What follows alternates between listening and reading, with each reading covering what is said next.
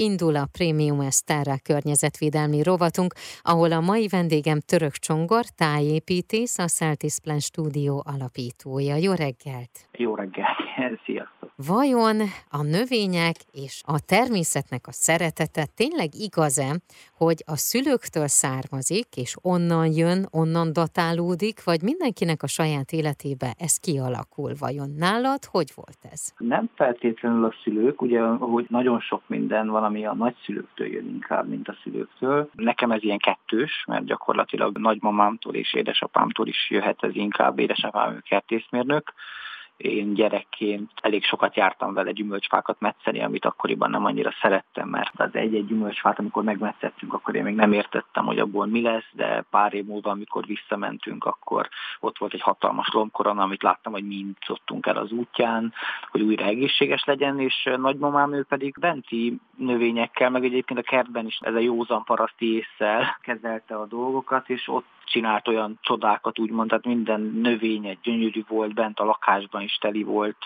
növényekkel, de nekem alapvetően is volt egy vonzódásom mindig is ez a dzsungel hangulathoz, tehát nekem Dél-Amerika az nagy álom, hogy uh-huh. a egyetemi éveim elején, amit még Bukarestben végeztem az alapszakot, akkor kezdett ez nekem megint visszajönni ez a zöld falak, zöldtető dolog, ami még akkoriban nem volt ennyire trendi, mint most. És úgy akkor indult el gyakorlatilag, én majd szeretnék magamnak egy olyan házat, amiben van egy belső téli kert. Az otthonodban szinte mini dzsungelt hoztál létre, ezt olvastam valahol, és hogy 150 fajta növény van otthon nálad? Igen, hát én sem tudom teljesen pontosan, most leltározom ez gyakorlatilag újra. Vannak a saját növényeim, majd zöld falba beépítve, ami nappaliban mhm. helyezkedik el, és van a, egy ilyen polcrendszeren elhelyezve a kis szaporító állomásnak a különböző fázisai. Nagyjából növényből, tehát hogyha egy számra számolom, akkor most már biztos, hogy ezer fölött van, tehát Azt. nagyon sok növény van. Beszéljünk a többször említett már zöld farról. Mi ez? Hogyan kell ezt létrehozni? Milyen előnyei vannak? Zöld falat a legegyszerűbben egy vertikális növényfalnak kell elképzelni, ahol polcokon, zsebekben különböző megoldásokkal vannak elhelyezve úgy növények, hogy azok ott jól érezzék magukat. A vertikális felület miatt ugye sokkal több fény jut nekik, sokkal többet el tudunk helyezni belőlük, mert ugye a Földön limitálva vagyunk helyből, és nem feltétlenül akarjuk telirakni ezzel a lakásunkat, vagy egyéb tereket is, ahogy ezt nagyobb cégek mondjuk birodaházakba csinálják. Az előnyei pedig több helyen említettem, és nem szeretem, amikor azt mondják, hogy mennyire tisztítja a levegőt, ez így önmagában nem igaz viszont vannak nagyon pozitív hatásai. A, a legfontosabb, amit én kiemelnék, az mondjuk a szállópornak a megfogása, és a biofília, ami gyakorlatilag ez az embernek a természethez való kötődése révén jön létre egy ilyen pszichológiai hatás, amitől ugye a zöld szín, meg alapvetően a növények miatt az ember a növények környezetében jobban érzi magát. Jobban tud fókuszálni, egy csomó olyan hatás, élettani hatása van, amik szerintem sokkal fontosabbak, mint az, hogy alapvetően a levegő minőség az hogy alakul, mert ez, ez egy komplex téma. Tehát vannak növények, amik meg tudnak kötni bizonyos anyagokat a levegőben, tehát például a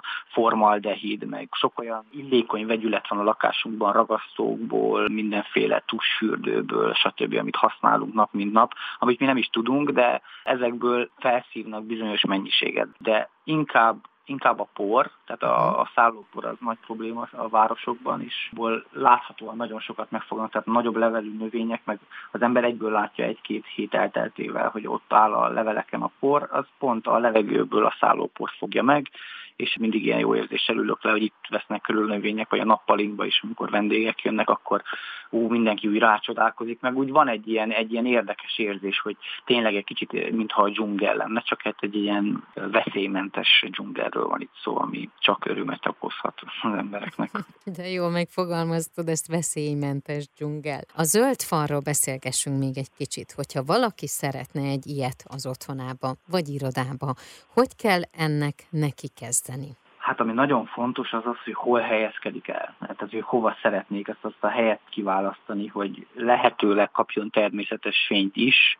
Ha nem megoldható, akkor teljesen mesterséges fényel is meg lehet ezt oldani, az már egy kicsit bonyolultabb, tehát oda erősebb fények fognak valószínűleg kelleni. Nekünk egy egészen világos lakásunk van, délre néz, de A zöld falat, ahol én elhelyeztem, az így is 5 méterre van a legközelebbi ablaktól. Attól eltekintve, hogy ez egy nagyon világos lakás, nem gondolják az emberek, hogy már két-három méterre az ablaktól az a növény az szinte semmi fényt nem kap. Érdemes először is, amit én mindig ajánlok mindenkinek, hogy nagyon sokféle applikáció van már telefonra, amivel le lehet mérni a fénynek az erősségét luxban. Ezt érdemes letölteni telefonnal, a telefon szenzorai pedig érzékelni fogják azt, hogy hány lux van, minimum 1500 luxnak kéne lenni, az ilyen éppen, hogy elég, és a legtöbb lakásban egy, egy kicsit ilyen sötétebb lakásban kb. annyi is van, annál még kevesebb. Az alap dolgok azok ezek, hogy mérjen, nézze meg, hogy viszonylag világos helyen legyen, mekkora az a falfelület, amit be akar ültetni, mekkora az az összeg, amit be akar erre fektetni, mert nyilván ezt magának is meg tudja valaki csinálni esetleg polcokkal, uh-huh. vagy bármivel. Ha bevon egy szakembert, akkor nyilván ez sokkal jobb minőségű fal lehet, tehát mondjuk hosszabb élettartamú, mert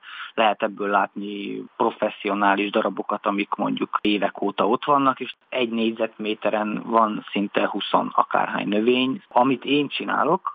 pont az a lényeg, hogy ez magánlakásokba, kisebb helyekre alacsonyabb költségvetéssel lehessen megvalósítani. Nekem is nagyon sokáig nem volt egyértelmű, hogy a fény az fény, tehát a, ami a napból jön, az nyilván kicsit másabb, meg annak melege is van, meg sokkal erősebb, de hogyha egy jó erős leddel világítunk meg valamit, annak is ugyanolyan lux mennyiséget lehet mérni, és pont ez lenne a lényeg. Tehát ezért hívom ezeket én most már nem annyira zöld falnak, hanem zöld bútornak, mert olyan elemeket tervezek most is épp új dolgokat, amik mozgathatóak lesznek, akár bútorként integrálni lehet őket többi bútorunk közé, egy könyves polc és egy másik akármilyen szekrény mellé be lehet egy ilyet rakni úgy, hogy ez szépen beilleszkedjen, mozgatni lehessen esetleg. Ugye az ember tudja ezt vinni magával, mert hogyha ez fel van szerelve egy falra, akkor már is, már is nehezebb a dolga. Köszönöm, és akkor én biztatom mindenkit arra, hogy vegye körül magát növényekkel. Mindenképpen így gondolom én is. Vegyen magának egy kis növényt, kísérletezzen vele, értse meg a növényeknek a működését, a fejlődését, lejjen örömöt benne szerintem, és utána, hogyha van egy nagyszabású elképzelés, hogy na már most neki ez annyira tetszik, hogy kell egy ilyen zöld fal, ez